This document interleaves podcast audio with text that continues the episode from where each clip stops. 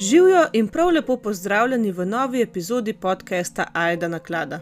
Tole je bonus epizoda, ki bo objavljena na ponedeljek, kajti zadnji dogodki oziroma dogodki zadnjih dni si zaslužijo posebno epizodo. Uh, to, da je umrla kraljica Elizabeta II., britanska kraljica, seveda vsi vemo. Se mi zdi, da je to ena od tistih stvari, ki smo jih vsi izvedeli naenkrat, mi dva smo bila takrat lih v kinu, sva čakala, da lahko greva noter v dvorano se mi je zdelo, da smo vsi o tem govorili. Vsi smo dobili tisto obvestilo na telefon in ja, novica se je takoj razširila. Uh, zdaj, jaz nisem uh, pretirana ljubiteljica te britanske monarhije oziroma sploh monarhije v letu 2022 na splošno. Uh, ne vem zdaj, če je to primerna državna ureditev ali pa potrebna za ta, to zgodovinsko obdobje.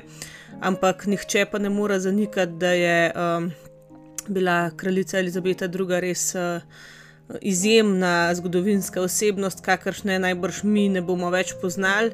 Uh, vladala je več kot 70 let, dočakala je 96 let uh, in se mi zdi, da je to svojo vlogo odlično opravila um, da je bila res tako priljubljena kot taka, no, z nekaj manjšimi umestnimi škandali, ki jih bomo tudi omenjali. Ampak, ja, ko sem začela malo raziskovati te zadeve, predvsem takrat uh, v povezavi z epizodo o princesi Diani, sem ugotovila, da je res um, britanska monarhija izredno, izredno zanimiva tema. Za seveda takšen le podcast, malo bolj zgodovinsko obarvan in tudi kraljica Elizabeta kot eh, njena predstavnica oziroma kot neka osrednja figura zadnjih skoraj stotih let.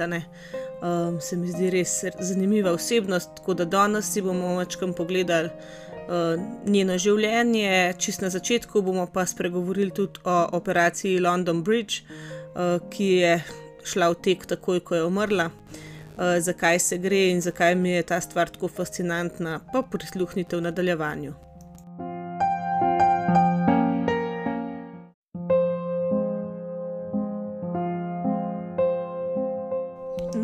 Kraljica Elizabeta je umrla 8. septembra, se pravi nekaj dni nazaj. Uh, njena smrt, mislim, da ni bila nepričakovana, tudi nekaj dni pred njo, a ne pred to smrtjo, pač uh, se je govorilo o slabem kraljičinem stanju. Sicer dva dni, mislim, da pred smrtjo je še bila na neki javni zadevi, uh, obstajajo tudi fotografije, ampak je bilo jasno videti, da je zelo shujšana sicer pa gospa je bila stara 96 let, ne kaj smo pa pričakovali, da bo živela kar večno.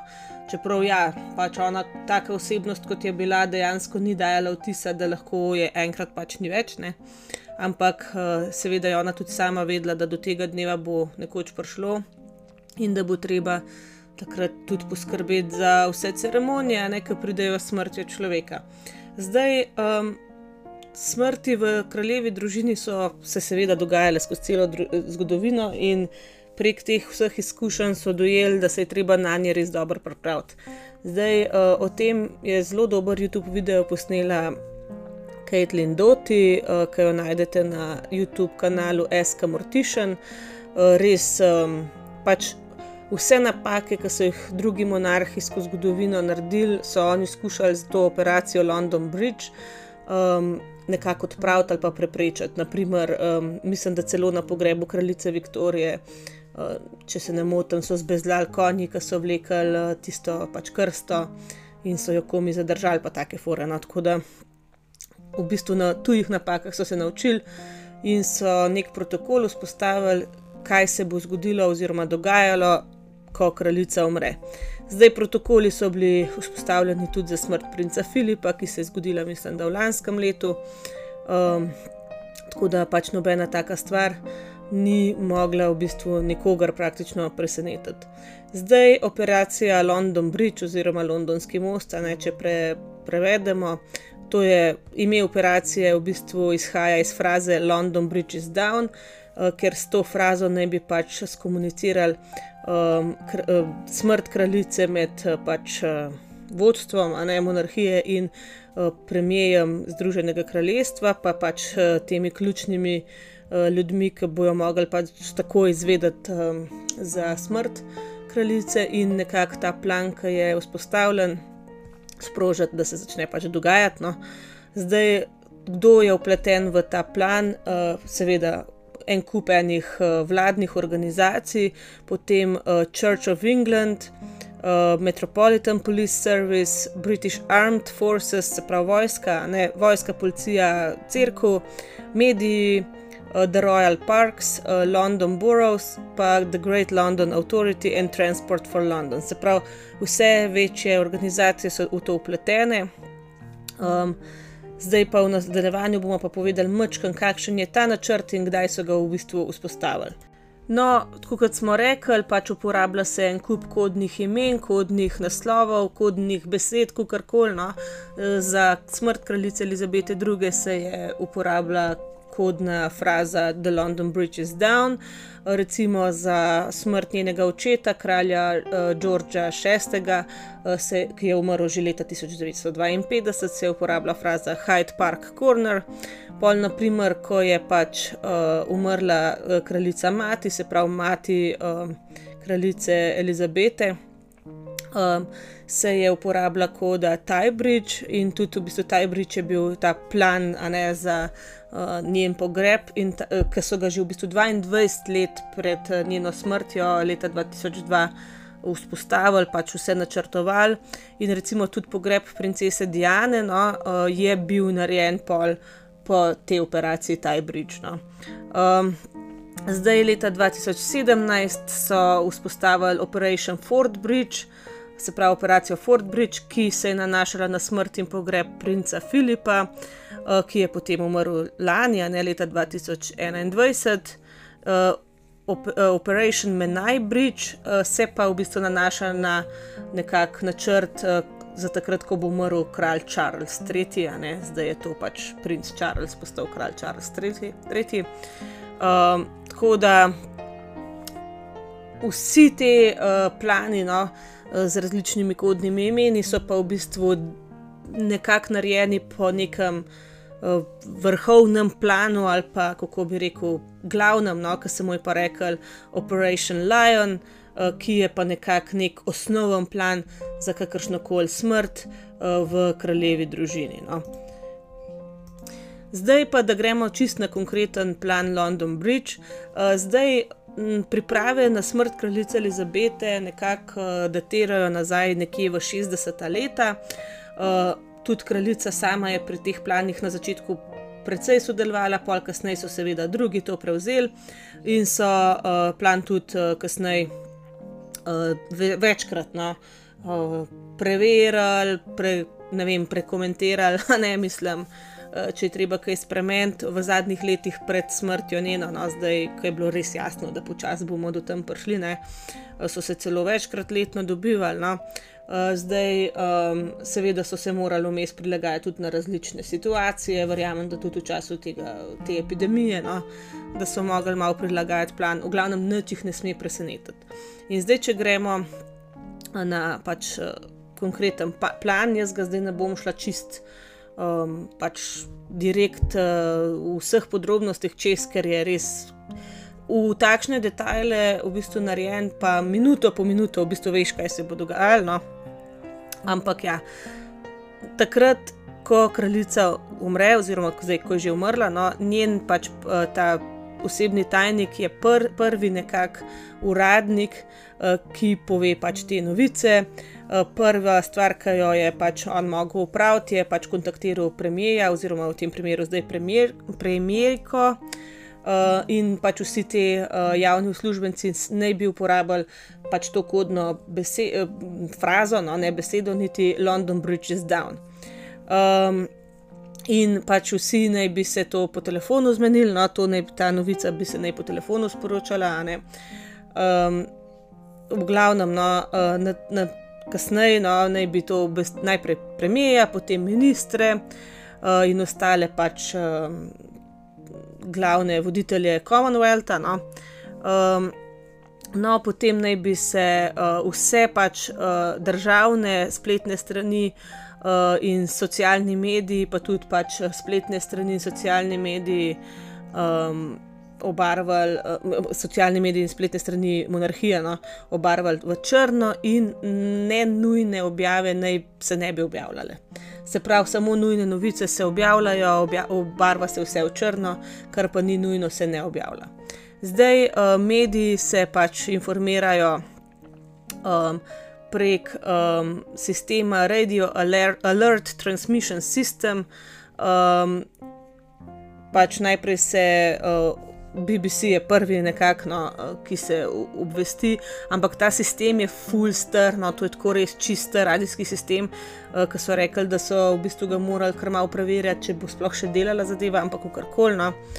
Um, no, v glavnem, um, mediji naj bi um, se pač obarvali z nekimi. Um, takšnimi barvami, zelo takimi melov, no, mislim, govorimo o televiziji.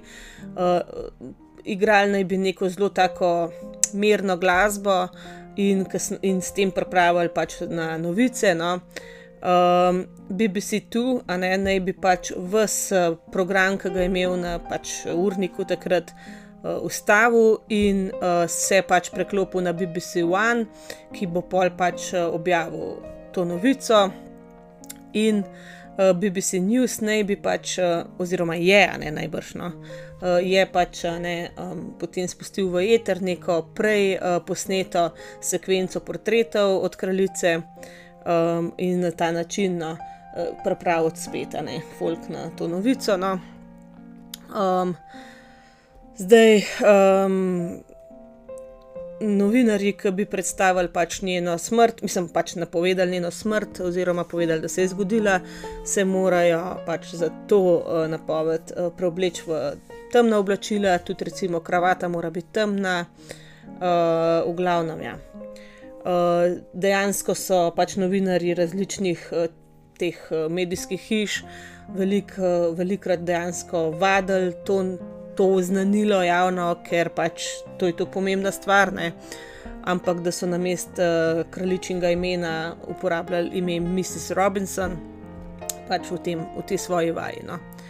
Uh, zdaj uh, nekdo, pač uh, en uslužbenec, naj bi na vrata Buckinghamske palače uh, pač, uh, objavil to novico z nekimi črnimi robovi, pač papir s črnimi robovi. Uh, um, in tudi uh, istočasno, pač čist v istem trenutku, se tudi na spletni strani palače ista novica objavlja.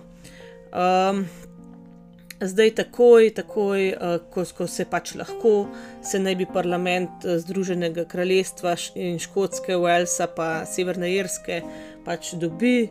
Um, Premijer naj bi pač uh, nagovoril House of Commons, uh, tako da um, novi monarh, ki pač takoj prevzame svoje mesto, pa naj bi pač se takoj uh, sklical nek sestanek s premijejem in potem ob šestih popovdne. Uh, se pravi, naslednji dan po kraljičini smrti, uh, nagovoril pač svoje, kako to reko, državljane, ne, kar se je tudi že zgodilo. Uh, pač včeraj ob šestih popovdne, po njihovem času, je kralj uh, Charles III. že nagovoril svoje državljane. No. Eh, zdaj uh, vse pač, državne institucije, pač uradne, naj bi zastave spustile na pol druga, in takoj se odprejo žalne knjige. Um, pač vse neke, vse, vsi neki okraski, ti ceremonijalni, se obarvajo v črno. Um, potem uh, neki ti um, strelski, pač ti, kako se to reče. No? Um, pač streljajo, no, se lotirajo streli uh, večkrat, no, tako da v glavnem. No. Veliko velik je nekih teh uh, stvari, katerih se morajo uh, sploh premije, pa ostali pač pomembneži v naslednjih dneh udeležvati. Zdaj, za vsak dan, potem po smrti, je pač določeno točno, kaj se bo dogajalo. No. Uh, ampak uh, pogreb bo, pa deset dni po kraljični smrti, se pravi, to, čeprav zdaj izračunam jaz, uh, je to ponedeljek, ponedeljek 20. A sem prav zračunala, no, v glavnem ne vem, zdaj ne me za besedo držati, ampak deset dni po kraljični smrti je pogreb, ki ga vodi Archbishop of Canterbury, se pravi načkov Canterburski, in uh, se dogaja v Westminster Abbey. Um, njeno truplo bo pač pokopano v že pripravljeni grobnici v King George VI Memorial Chapel, uh, v St. George Chapel v Windsor Castle, ne v gradu Windsor, zraven princa, Filip, princa Filipa, uh, njenega moža, ne pokojnega, uh, kater, čigar pač krsta bo pač umaknjena iz tega kraljevega, kako se to reče, iz, iz te celice, v katero bojo pol dal njeno. No? Um, zdaj, pred, uh, pred pokopom bo nek, uh, neka maša v St. George Chapel. Um, in kraljica, že pred svojo smrtjo, se je skupaj s premijem dogovorila, da bo ta dan, uh, dan pogreba, v bistvu uh, razglašen kot uh, Day of National Mourning, se pravi uh, nacionalni dan žalovanja. Um, tako da ja. Um, dvominutna. Um, tišina, a ne pač eh, minu, dvominutni mok bo uh, po, po celi Veliki Britaniji um, nekako uh, takrat uh, se zgodil. No? In nekako uh, ta ceremonija naj bi se po Londonu in Windsorju nekako razširila. No? Um, zdaj ne vem, ali bojo imeli dela prost dan, ker naj bi se um, pač. Um, Naj bi se takrat tudi borza zaprla, da ne bi bilo šole, da se pač vse, kar se da, se ustavi. Zdaj, kako točno bo, um, bo to držal, ne vem, ampak kakorkoli pač bo pa nacionalni dan žalovanja to. In ne vem pa, koliko časa bo trajalo še tudi obdobje žalovanja, ker v bistvu kronanje princa Charlesa tisto. Pač cela ceremonija, on je že prevzel pač naziv, ampak kronanje bo potem, ko se pač ta celo želovanje ne, prekine oziroma ustavi, tako da, kot vidite, je pač cela situacija res do potankosti načrtovana. Ampak ja, zdaj smo v bistvu začeli na koncu pri njeni smrti, jaz bi pa vseeno vam rada povedala nekaj več o njenem življenju.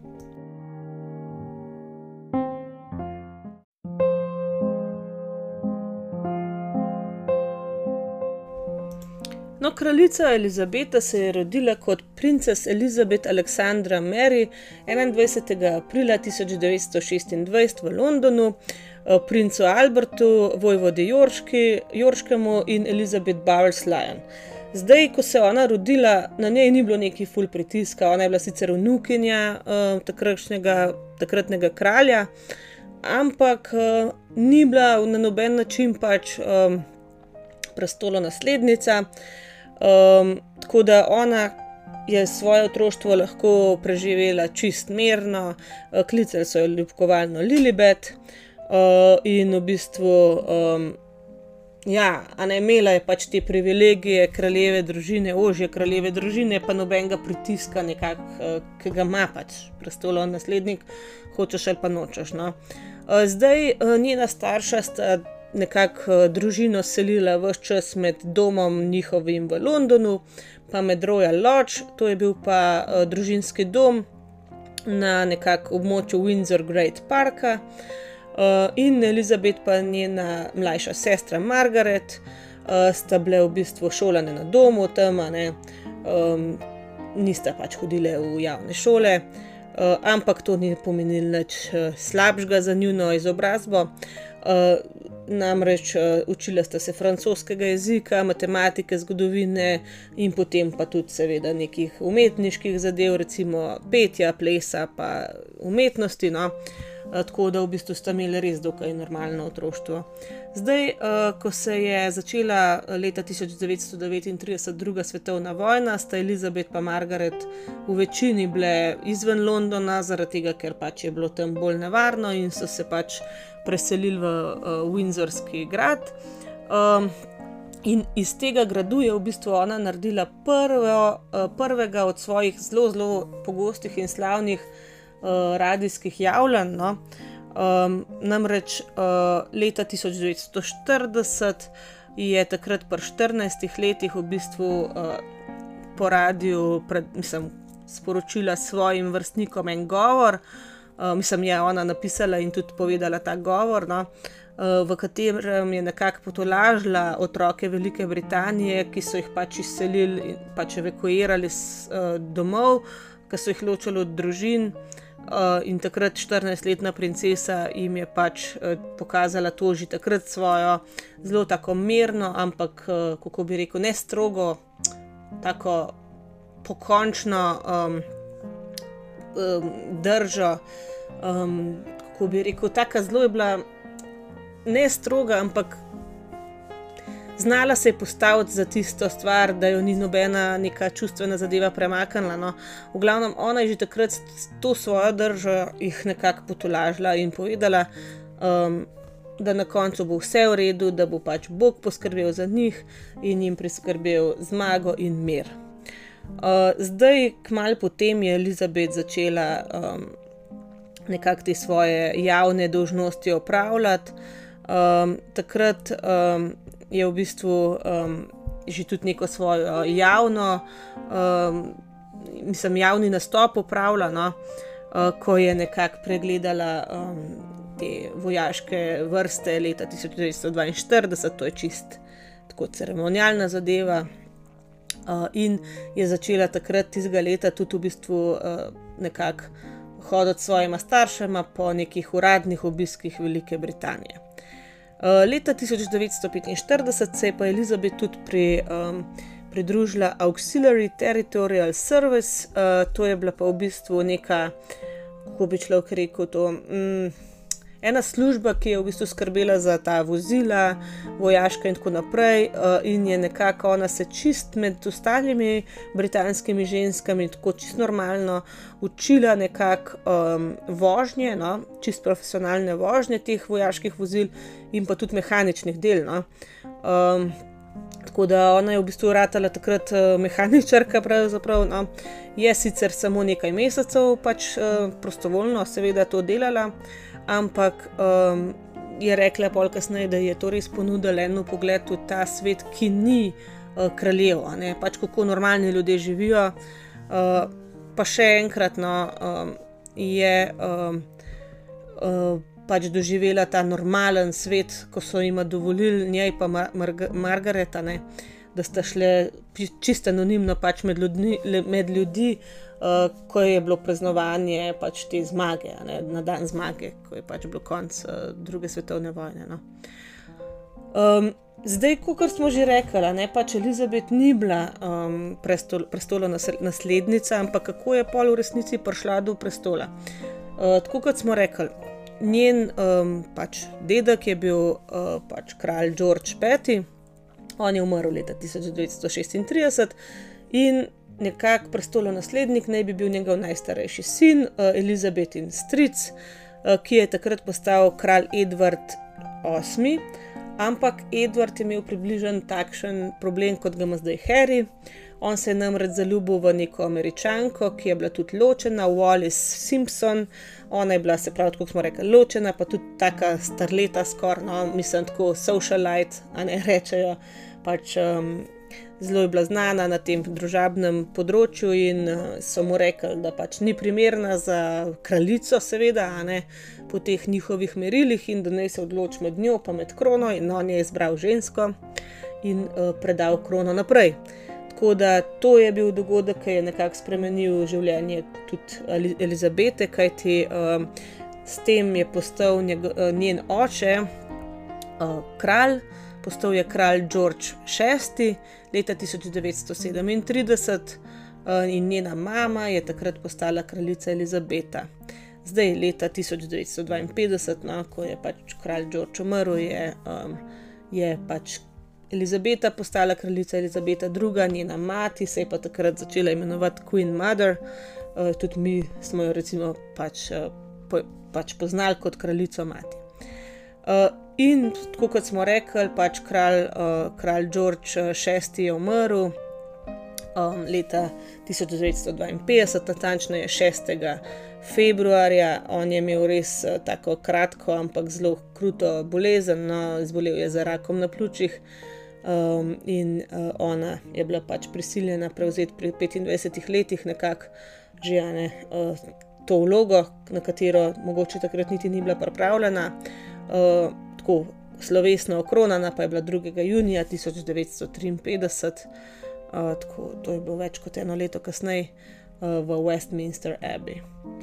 Um, zdaj, v tem času je bila pa seveda tudi poročena. No? Um, Elizabet je prvič spoznala Filipa, ki je bil post kasneje postal njen mož, no? um, ko je bila stara samo 13 let, uh, tako je pač nekako jo je očaril, on mislim, da je bil star takrat 18 let. Uh, tako da sta pač ostala v stikih, nista bila takrat še skupaj, ampak eventualno nekako sta uh, se zaljubila. Um, Blasta, to jim velikokrat očitajo, da sta bila bratranska pa sestrična, ampak jaz sem preverila, blasta v tretjem kolenu. No? To se pravi, da so bili v bistvu njuna pra, pradedek, uh, pa pra, pradetka, mislim, da sta bila brat, brat pa, ali pa pra babica. No, pot, na pra, pra, um, um, istega pra, pra starša sta imela. No? Tako da to v bistvu ni tako žlahte, ampak nekaj je pa bilo, no? ampak kakorkoli. Um, pač spoznala sta se pri zelo uh, mladih letih, zaljubila kasneje in poročila 20. novembra 1947 v London's Westminster Abbey. Uh, Philip je bil prej Philip Mountbatten, uh, on je pač ta uh, priimek dobil po materini strani, imel je pa polen kup uh, novih uh, uradnih nazivov, ki jih zdaj ne bomo naštevali, ker jih je preveč. No.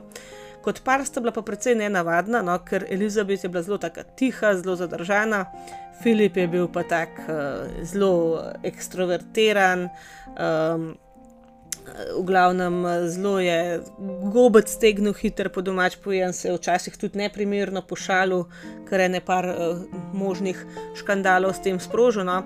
In tudi kralj George VI ni bil najbolj predzadovoljen s tem uh, zakonom, ker je imel Filip nekako um, veze tudi z Dansko in Grško kraljevo družino, ni imel kaj precej velik bogatstva, pa tudi naj bi imel zelo tako težko uh, osebnost. No. Ampak pač tukaj je ljubezen vendarle zmagala. Um, In sta se poročila samo v času, no, ko pač sta se poročila, kot smo rekli, leta 47, se je seveda Velika Britanija še pobirala, po tem, kar je za državo naredila druga svetovna vojna. In Elizabet je morala, tako kot vsi ostali državljani, v bistvu plačati uh, blago za svojo poročno obleko uh, s temi kuponi za, um, za obleke. Ne? Oni takrat, ko so imeli toliko pomankanja, so dobili kupone, s katerimi si so, so si lahko dobili obleke, in ona ni bila pač nič drugačna. No?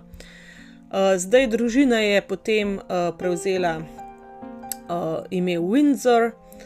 Zdaj to je precej spodbujala njena mati, kraljica mati in tudi premijer britanski Winston Churchill, kar je nekako pre, kar precej nekih napetosti med Elizabet in Filipom povzročilno. Um, tako da ja. Um, Zdaj, leta 1960 je zaradi tega no, v bistvu ona sprejela neko zadevo, nek pač odlok, no, da v bistvu uh, njeni um, potomci, ki niso v bistvu imeli nekih kraljevih nazivov, uh, ali pa če niso rabili nekih uh, primkov za neke čist uh, legalne zadeve, no, kot naprimer, ko si se poročil, ne, lahko pač uporabljajo primek Mountbatten Windsor. Um, V glavnem, no, pač Filipu ni bilo všeč, ne, da pač ni dobila, mislim, ni vzela njegovega primka, ne, ampak to bi skoraj že pa mogel vedeti. No. Um, zdaj, Filip je bil njena velika ljubezen, um, zdaj v tem zakonu načeloma ni bilo neki ful grdih stvari rečenega, neki pa eno. Ampak uh, se mi zdi, da to je bil res en tak zakon, ki je kar trajal no? uh, v enem lepem vzdušju, kot se pač da v takem okolju ga imeti. Um, umrl je 9. aprila 2021 pri 99 letih. No, Zdaj imela sta pa pač Elizabet in Filip um, otroke, seveda, ne. Zdaj najstarejši uh, sin Charles je bil rojen leta 1948, samo eno leto po njuni poroki, uh, hčerka Anne uh, je pač uh, bila rojena leta 1950. Uh, potem sta imela malo pauze, a ne vmes, najbrž tudi zaradi tega, ker je bilo treba krono prevzeti, pa vse, kar zraven paše. Ampak kasneje sta se rodila še sinova Andrew in Edward leta 1960 in 1964. Zdaj, leta 1969 je pač uradno poimenovala uh, Charlesa za njenega prestola naslednika in mu na, pač do, doda, dodelila uh, naziv Prince of Wales. Um, no, in potem se je pa leta 1981 uh, Charles poročil, takrat pri svojih 32 letih, z 19-letno Diano Spencer, pač ki jo zdaj poznamo kot princeso Diano, Princess of Wales. In kasneje nekako se, se sprožijo neke govorice, no, da je bil strani družine prisiljen v to zakon, ne, ker pač ne, mora biti prestolonaslednik poročen. Um, je bil pa nekako ta zakon, pa ta poroka, pa vse skupaj en kar odrešilen uh, trenutek za monarhijo, kajti vmes je začela priljubljeno že mal padati. Uh, in nekako javno mnenje o britanski monarhiji se je v času um, Charlesove poroke z Diano res, res uh, dvignilo, no, pač fully izboljšalo. Uh, zdaj, uh, Charlesu in Diani sta se rodila uh, princ William in, uh, in princ Harry. Uh, William je pač takoj uh, dobil uh, naziv Duke of Cambridge, se pravi vojvoda Cambridgeški. Uh, mislim, ga je dobil takrat, uh, ko se je poročil leta 2011. Uh, ja, no. uh, zdaj, pol pa seveda so se jim rojevali še uh, tudi prapravnuki od Elizabete in tako naprej. No. Tako da jaz zdaj ne bom eh, naštevala ostalih, pač uh, William je naslednji prestolov naslednik, pač ne po Charlesu. Um, zdaj, vla, vladavina kraljice Elizabete je bila res dolga, 70, skoraj 71 let uh, in večinoma zelo mirna. Uh, je pa to njeno vladavino v bistvu zaznamovalo, zaznamovalo v bistvu ogromna sprememba v načinu življenja, no? uh, pa tudi v moči, ki jo ima njena država. Uh, zdaj, um, kraljica Elizabeta ni v bistvu se nekako imela niti besede, niti se ni umešavala v politiko. Uh, niti nikoli ni svojih političnih mnen ali pa pogledov javno pač izrazila, uh, je pa pač redno se sestajala s premijeji, um, pa je celo enkrat tedensko čist do konca. No. Um, zdaj, ko je pač postala kraljica, je Britanija po vojni še vedno imela kar en ogromen pač imperij. No. Uh, ampak med tis, leti, leti 1950 in 1960 uh, se je velik teh uh, delov ne, britanskega imperija pač vsem osvojilo in se je uh, v bistvu britanski, britanski imperij razvil v Commonwealth of Nations. Uh, zdaj ona je pač, uh, kako bi rekel, kraljica celega tega Commonwealtha, no, v glavnem pač vodja Commonwealtha in predstavnica Britanije. Uh, tako da je pač obiskovala te dele Commonwealtha in tudi druge države kot predstavnica njega. No. Uh, zdaj, uh, najbolj znan je bil njen obisk Nemčije leta 1965. Uh, bila je namreč prva britanska monarhinja, ki je pač v državniški obisk te države pač izvedla v 50-ih letih. Uh, o tem bomo kasneje še malo povedali. No, med 70 in 80 leti je v bistvu Elizabeth skozi uh, skos potovala, no, res po vseh delih Commonwealtha, pa tudi sicer po svetu. No. Um, potem uh, je bilo nekaj vojne, no, vmes, uh, recimo Falklandska vojna, ko je, šel, ko je šla pač Britanija v vojno z Argentino. Um, v tej vojni je sodeloval tudi njen drugi sin, princ Andrew ki je bil pilot helikopterja, tako da takrat je bilo za njo kar težko obdobje. No, um, no leta 2011 uh, je pa kraljica v bistvu nekako pokazala, da ima krona še vedno neko simbolno in diplomatsko močno, ko je v bistvu um, obiskala uh, kot prva britanska monarhinja um, Republiko Irsko.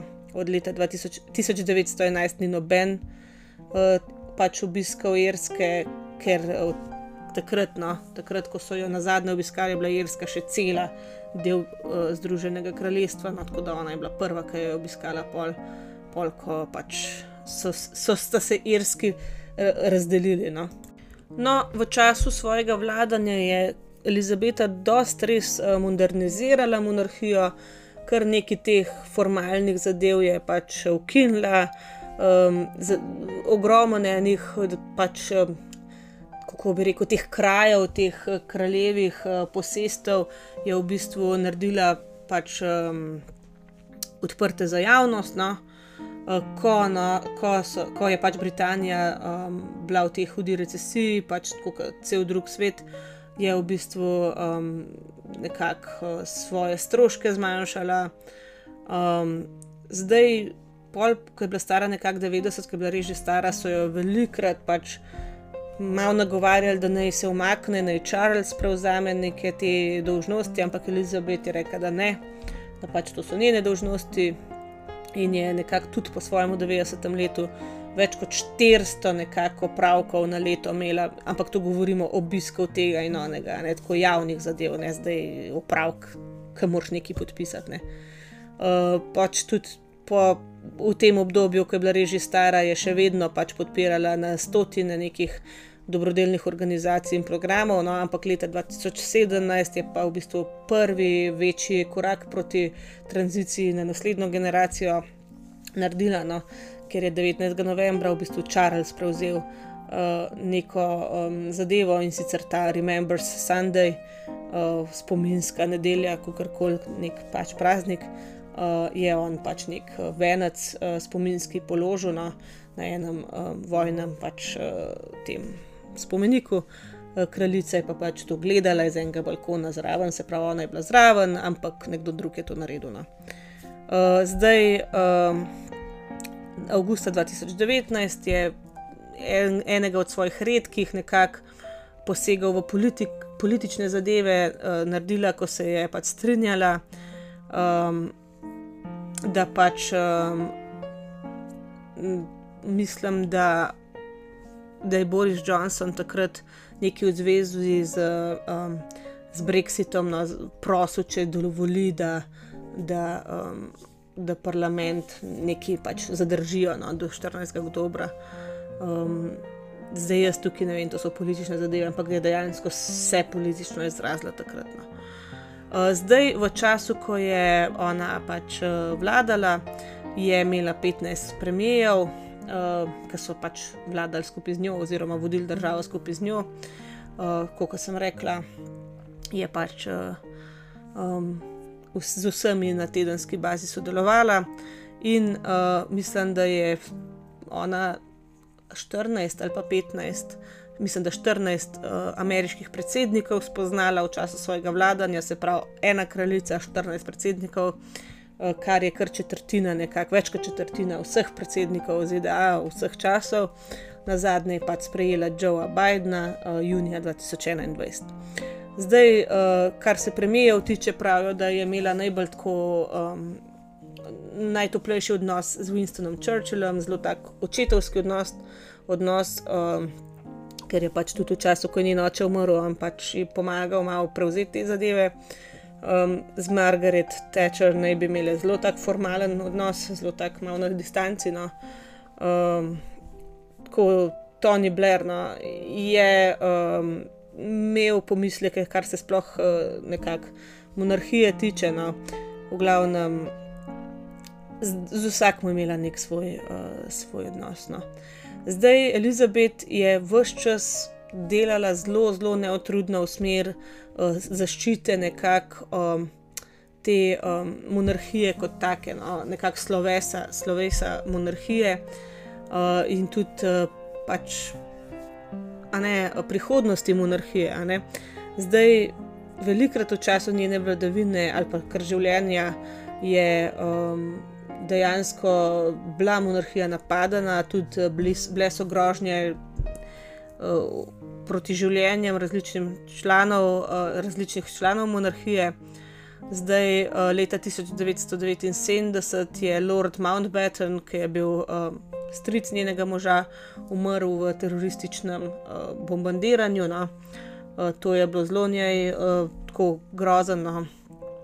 Tudi ona se je znašla v eni nevarni situaciji leta 1981, ko je pač um, v neki vojaški paradi uh, se vozila Uh, pač to je bila parada za praznovanje njenega uradnega rojstnega dneva, in je nek moški v množici pač na njo usmeril pač pištolo. No.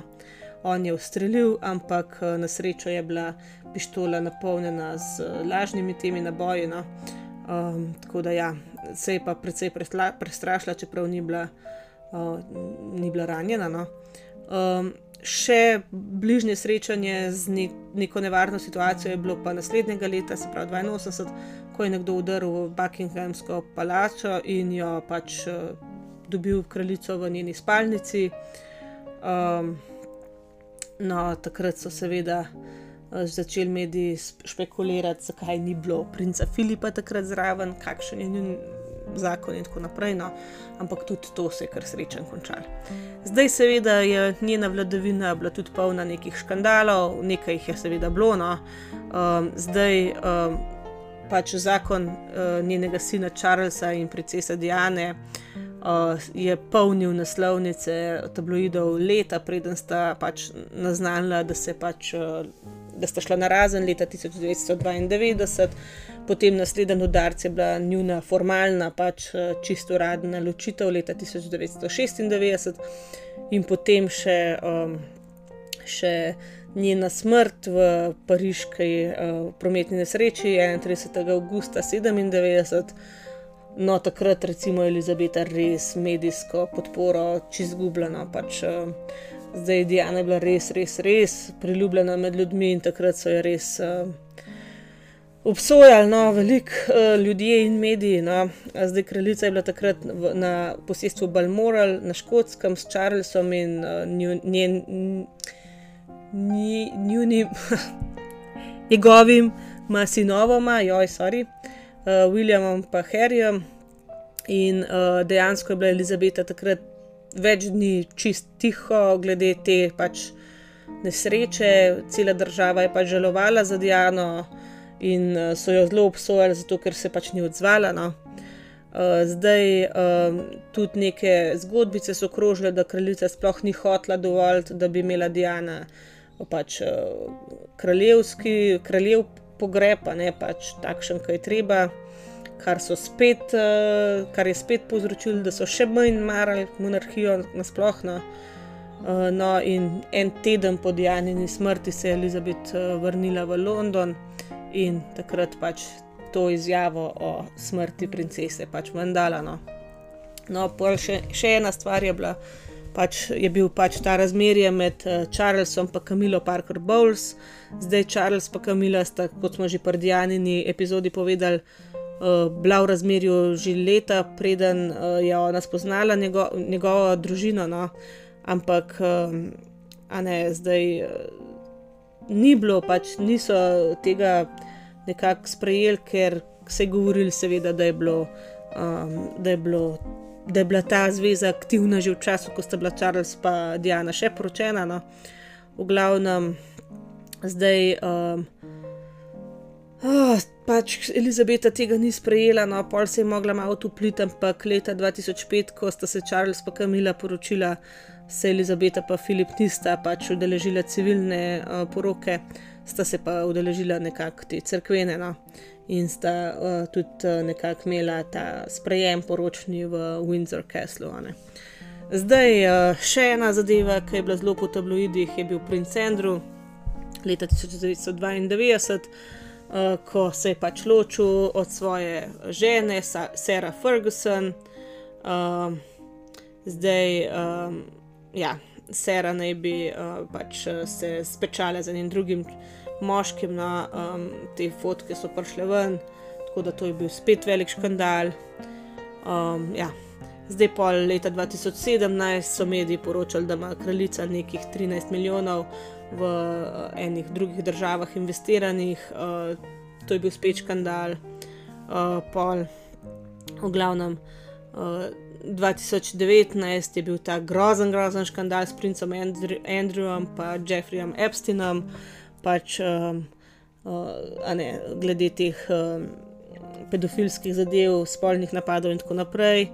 Uh, potem pa januarja 2020 je družina bila spet uh, nekako podrobno gledana zaradi tega, ker sta se v bistvu Harry in Meghan uh, pač odpovedala svojim kraljevim nekako uh, vlogam in vsem, vsemu, kar zraven paše. Tako da v bistvu kraljica je rekla, da je bilo leto 96 za njo, v bistvu ne za njo, za monarhijo najhujše, potem pa spet 19-20. Um, zdaj, um, kar se tiče kraljice, njenega življenja kot tacga, no, um, zdaj poznali smo jo, mislim, tako zdaj, kot človeka, njo, ne, ne zdaj kot kraljico. Smo jo res poznali kot eno veliko ljubiteljico psov, zdaj um, bila je vse čas um, nekako. Um, Lastnica Korgijo, Korgi so bili njena najljubša pasma, imela je v bistvu uh, 30 Korgijev, ki so bili v bistvu vsi uh, potomci prvega Korgija, ki ga je dobila, ki je bila še najstnica, In v bistvu zadnji korgi, ki ga je imela Willow, je umrl leta 2018, je bil tudi še potomc tistega prvega. No. Uh, zdaj je bila tudi uh, navdušena nad konji, uh, se je pač vedno rada udeležvala teh, teh dirk, pa, pa prireditev. Kar je, kadar pa ni bila pač nekako v središču pozornosti, je pa zelo rada imela tudi te prostočasne dejavnosti uh, v nekakšnem miru svojega doma. No.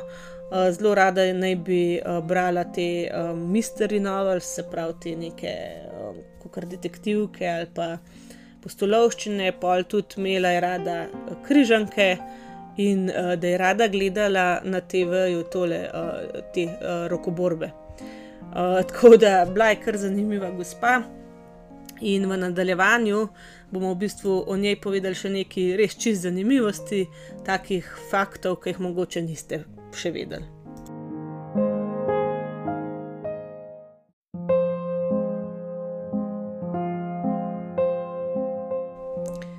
Ja, tako kot smo že večkrat omenili, kraljica je bila ena izmed najdlje vladajočih monarhov na svetu pač najdlje vladajoča britanska monarhinja in druga najdlje vladajoča evropska monarhinja. Ona je vladala 70 let, pa 214 dni, eh, recimo na evropskih tleh jo je pa prehitel samo Ludvik XIV, francoski kralj, ki je vladal 72 let, pa 110 dni. Zdaj, tukaj je imel on toliko prednosti, ker je v bistvu prestol prevzel že pri svojih petih letih. No, v resnici tista prva leta vprašanje, kako je on vladal. No. Eh, zdaj, potem za njo, ne so pa recimo še tajski nek eh, cesar ali kralj ali kaj je bil, pa potem Liechtensteinski, eh, ampak ja, ona je vse ti prehitela. No. Zdaj, v času, ko je ona umrla, je v bistvu vladala toliko časa in je bila toliko znana, ehm, da v bistvu je vsaj 9 od 10 prebivalcev zemlje samo njo poznalo kot britansko monarhinjo. Se pravi, da se niso spomnili, da bi bil kdo drug pred njo. In ko smo že prej rekli, da je poznala eno četrtino uh, ameriških predsednikov, 14 ameriških predsednikov in 15 britanskih premijev, um, ona je v bistvu bila kraljica kar 30% zgodovine ZDA. Recimo, če primerjamo zgodovino ZDA, ki je precej sveža, 30%, se pravi eno tretjino skoraj zgodovine ZDA, je bila ona britanska kraljica. Zdaj, ko smo rekli za premije, no, 15 jih je spoznala in zadnji primer, uh, ki ga je spoznala, oziroma premijejka, je bila Liz Truss, ki jo je spoznala v bistvu uh, dva dni uh, preden je kraljica umrla. Uh, tako da najbrž so to tudi tiste zadnje slike, ki sem jih prej omenila. No.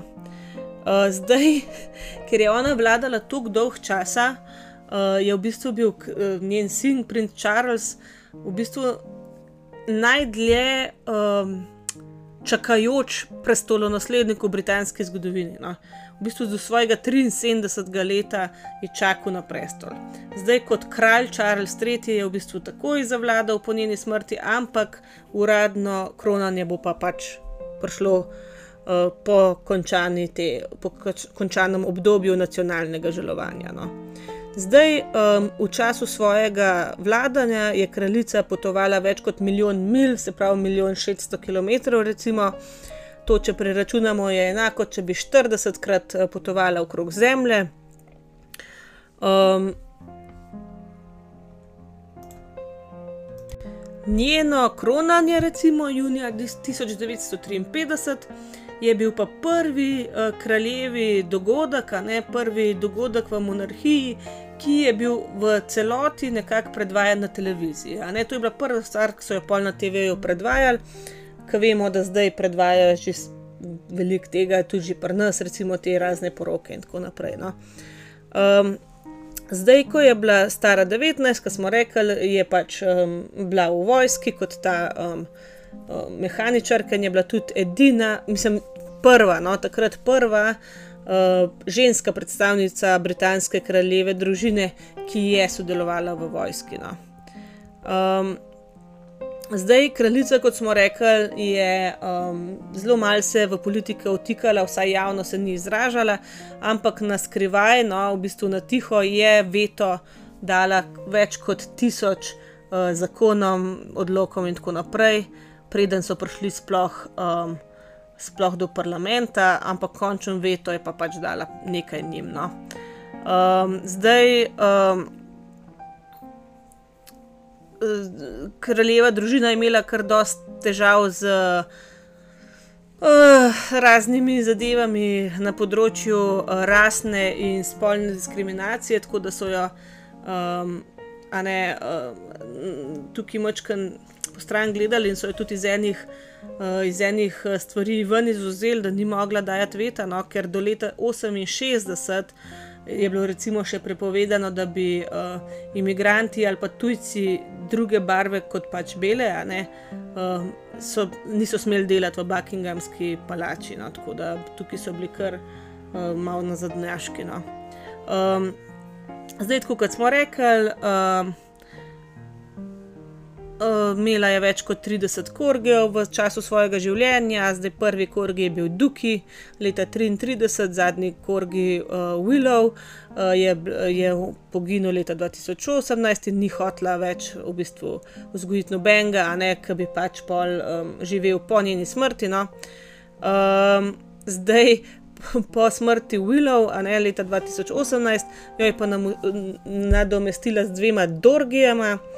Um, Dorgi je pa v bistvu mešanica med Korgijem in med uh, tem, uh, kako se že pravi, uh, jazbečarjem, Dashunt, uh, ki je pa v bistvu ona tudi nekako uh, zaslužna za to pasmo, da sploh obstaja, ker naj bi enkrat pač uh, malo pustila same enega tega jazbečarja, pa svojega Korgija in rodil se je prvi Dorgi. Um, Zdaj, kot smo rekli, ne pač ta um, plan za kraljičino smrt, kaj se bo takrat zgodilo, je bil v teku od leta 1960, ampak ker je umrla pač na škotskem, na Balmoral uh, posestvu, uh, so morali sprožiti plan Operation Unicorn, uh, kar pomeni, da bodo njeno truplo v London pripeljali z vlakom. In uh, da bodo lahko želujoči pač, uh, državljani metali rože, tam na tračance, uh, na, na nekih določenih pač, uh, teh železniških postajah. No.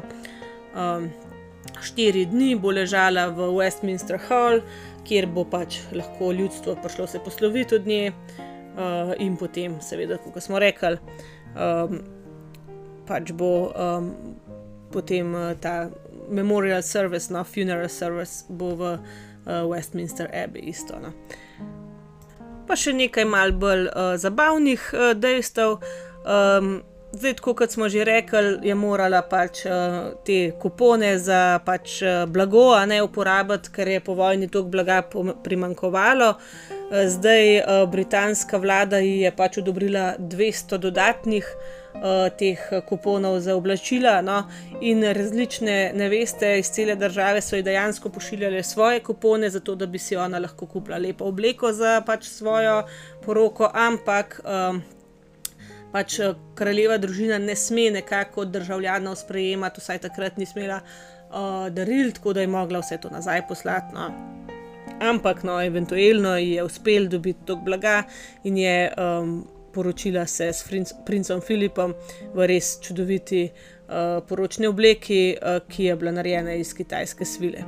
Zdaj, uh, v, na dan svoje poroke, no, je imela na sebi eno diamantno tiaro, ki pa se je na jutro pred poroko um, zlomila. pač ko so jo hoteli v bistvu nekako uh, pritrditi na, na to vlečko. No, uh, je se prelomila na pol in to je bilo dve uri, preden se je poroka začela. Um, ta uh, tiara je bila narejena leta 1919 za Elizabetino um, babico Queen Mary. In to je bilo res pomembno, da jo ona takrat nosi, in so jo na hiter pač uh, pod policijskim, uh, s, polici, s policijskim spremstvom pač peljali to tiaro uh, Dragoljarju in jo je on na hitro pač skupaj zvaril. No. Uh, zdaj, kraljica je postala nekakšna lasnica svoje prve nepremičnine pri šestih letih. Um, namreč podarili so eno mini, miniaturno kočo. Um, na, uh, na uh, področju te posestvi Royal Lodge uh, v Windsorju, tam kjer so oni živeli. Uh, to je bila v bistvu uh, ena kočica, ki je bila narejena po modelu ene tipične valižanske koče. In je bilo v njej vse miniaturno, pač da se je ona lahko igrala, mičken radio, mičken porcelan, uh, v glavnem portret njene uh, mame, knjige, v glavnem vseeno in dejansko je imela uh, tudi telefon noter, ki je deloval, ampak vse min, miniaturno. Zdaj, um, kot smo rekli, rojena je bila v Londonu na, uh, v eni mestni hiši na 17 Burton, Burton Street. Uh, zdaj tam uh, ta hiša še stoji, ampak tukaj je zdaj pač svetovno znana restauracija, kantonska restauracija po imenu Hakasan. Um, pol še ena zanimivost, kraljičina. No? Ona je dejansko se udeleževala dirk z uh, golobi. Uh, ona je dejansko imela nekako uh, jato 200 golobov, ki jih je pač uh, imela na svoji, svojem posestvu Sandringham, uh, te je ta imena posestvu. No? Uh, v glavnem pa ko sta se poročila, no, kraljica in princ Filip, sta prejela več kot 2500 uh, daril, poročnih daril. No. Uh, zdaj dobila sta ogromen najlonskih nogovic, ki jih je bilo takrat zelo malo, no, tako da so ljudje to radi uh, podarjali. Pol, um, pol dobila sta, ne vem, ful jabolk, uh, piksne z ananasom, no, take zanimivosti, no, kaj, kaj daš kraljici za poroko. Um, Zdaj, recimo, tudi mi vemo, no, da um, je kraljica zelo rada se oblačila v te ujemajoče se kostime uh, z nekim klobukom enake barve, uh, pa večinoma so bile te obleke zelo tako živih barv in je ona povedala, da zaradi tega, ker je pač to kmičkena, ker je res majhna, ne, da jo bodo ljudje lažje videli v tej množici, se pač zato ona oblača v tako žive barve. Um, Vsak večer pred spanjem je ona spila en kozarc šampanca, dan pa je začenjala z nekim džin koktejlom, koktejlom, čeprav so ji pol na koncu rekli, da zaradi zdravja bi bilo bolje, da mačkan zmanjša, ampak, a ne, to je pomenilo mačkan zmanjšati, ne pa ukintno. Od leta 1989 je kraljica nosila vse čas samo en odtenek laka za nohte uh, in ene same znamke, in to je bil odtenek Bellet Slippers uh, od znamke Essie, uh, ki ga imam jaz doma, ki je meni tudi full lep, tako da evo, vsaj nohte imam nalakirane, včasih kot kraljica. No. Zdaj, kadar je pa. Pač preživljala čas na uh, posestvu Balmoral na Škotskem, to je tam, kjer je tudi na koncu umrla, je bila vsako jutro ob 37 zbujena uh, z dudami, pač nek um, človek je pač prišel pod njeno okno ob 37 točno in 15 minut igral na dude. In če te to ne zbudi, jaz mislim, da te noben, um, noben drug ne more. No. Um, zdaj, uh, kraljica je bila v bistvu edina oseba v Združenem kraljestvu, ki ni rabila imeti uh, pač vozniškega dovoljenja ali pa niti ni rabila imeti registrske tablice na svojem vozilu niti ni rabila imeti uh, pasoža, ne pač potnega lista, ker pač vsi uh, britanski potni listi so v njenem imenu izdani in pač sama sebi uh, ne bo valjda dala, um, dala pasoža, ne narediti. V glavnem, pa še zadnja zanimivost, no, uh, preden zaključimo tale dolg, dolg podcast. Kraljica je imela dva rojstna dneva, zdaj uradno pač se je um, je bila 96 let stara 21. aprila 2022, ampak njen pač tak uraden državen uh, rojsten dan je pa praznovala junija, uh, v bistvu čisto v sredini teh jubilejnih njenih uh, praznovanj. Ne. Zdaj uh, ta um, tradicija.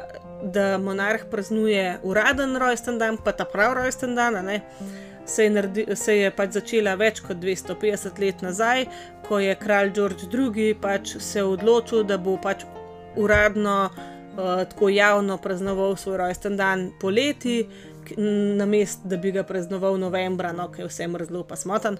In od leta 19, 1748 v bistvu vsak britanski monarh uh, to tradicijo nadaljuje, se pravi, da si izbere nek uraden datum, ko bo pač svoje svoj um, rojsten dan praznoval, uh, sploh če ga v resnici praznuje enkrat, uh, ko vreme ni lih fajn. In to je to, kar se tiče nekih um, dejstev o kraljici Elizabeti. Jaz mislim, da ga ni med nami človeka, ki bi rekel, da je imela dolgočasno življenje. Um, vsekakor je bilo zanimivo, če je bilo pa povsem lepo, pa je tudi vprašanje.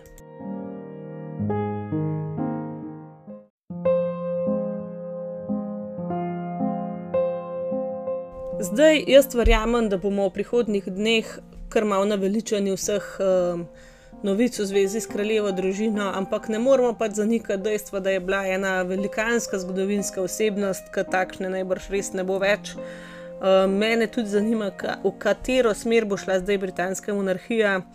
Moram reči, da Charles meni ni najbolj ljuba figura. Um, zdaj ne vem, ali se mu tukaj dela krivica, ker pravijo, da drugače kar tak bistr človek, pameten, tudi zabaven lahko, ampak jaz ne vem.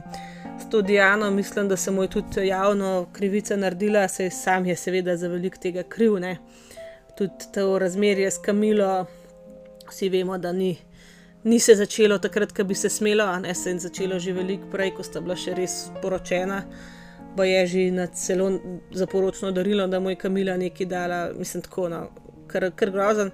Ampak ja, no, Charles meni osebno ni lih ful simpatičen.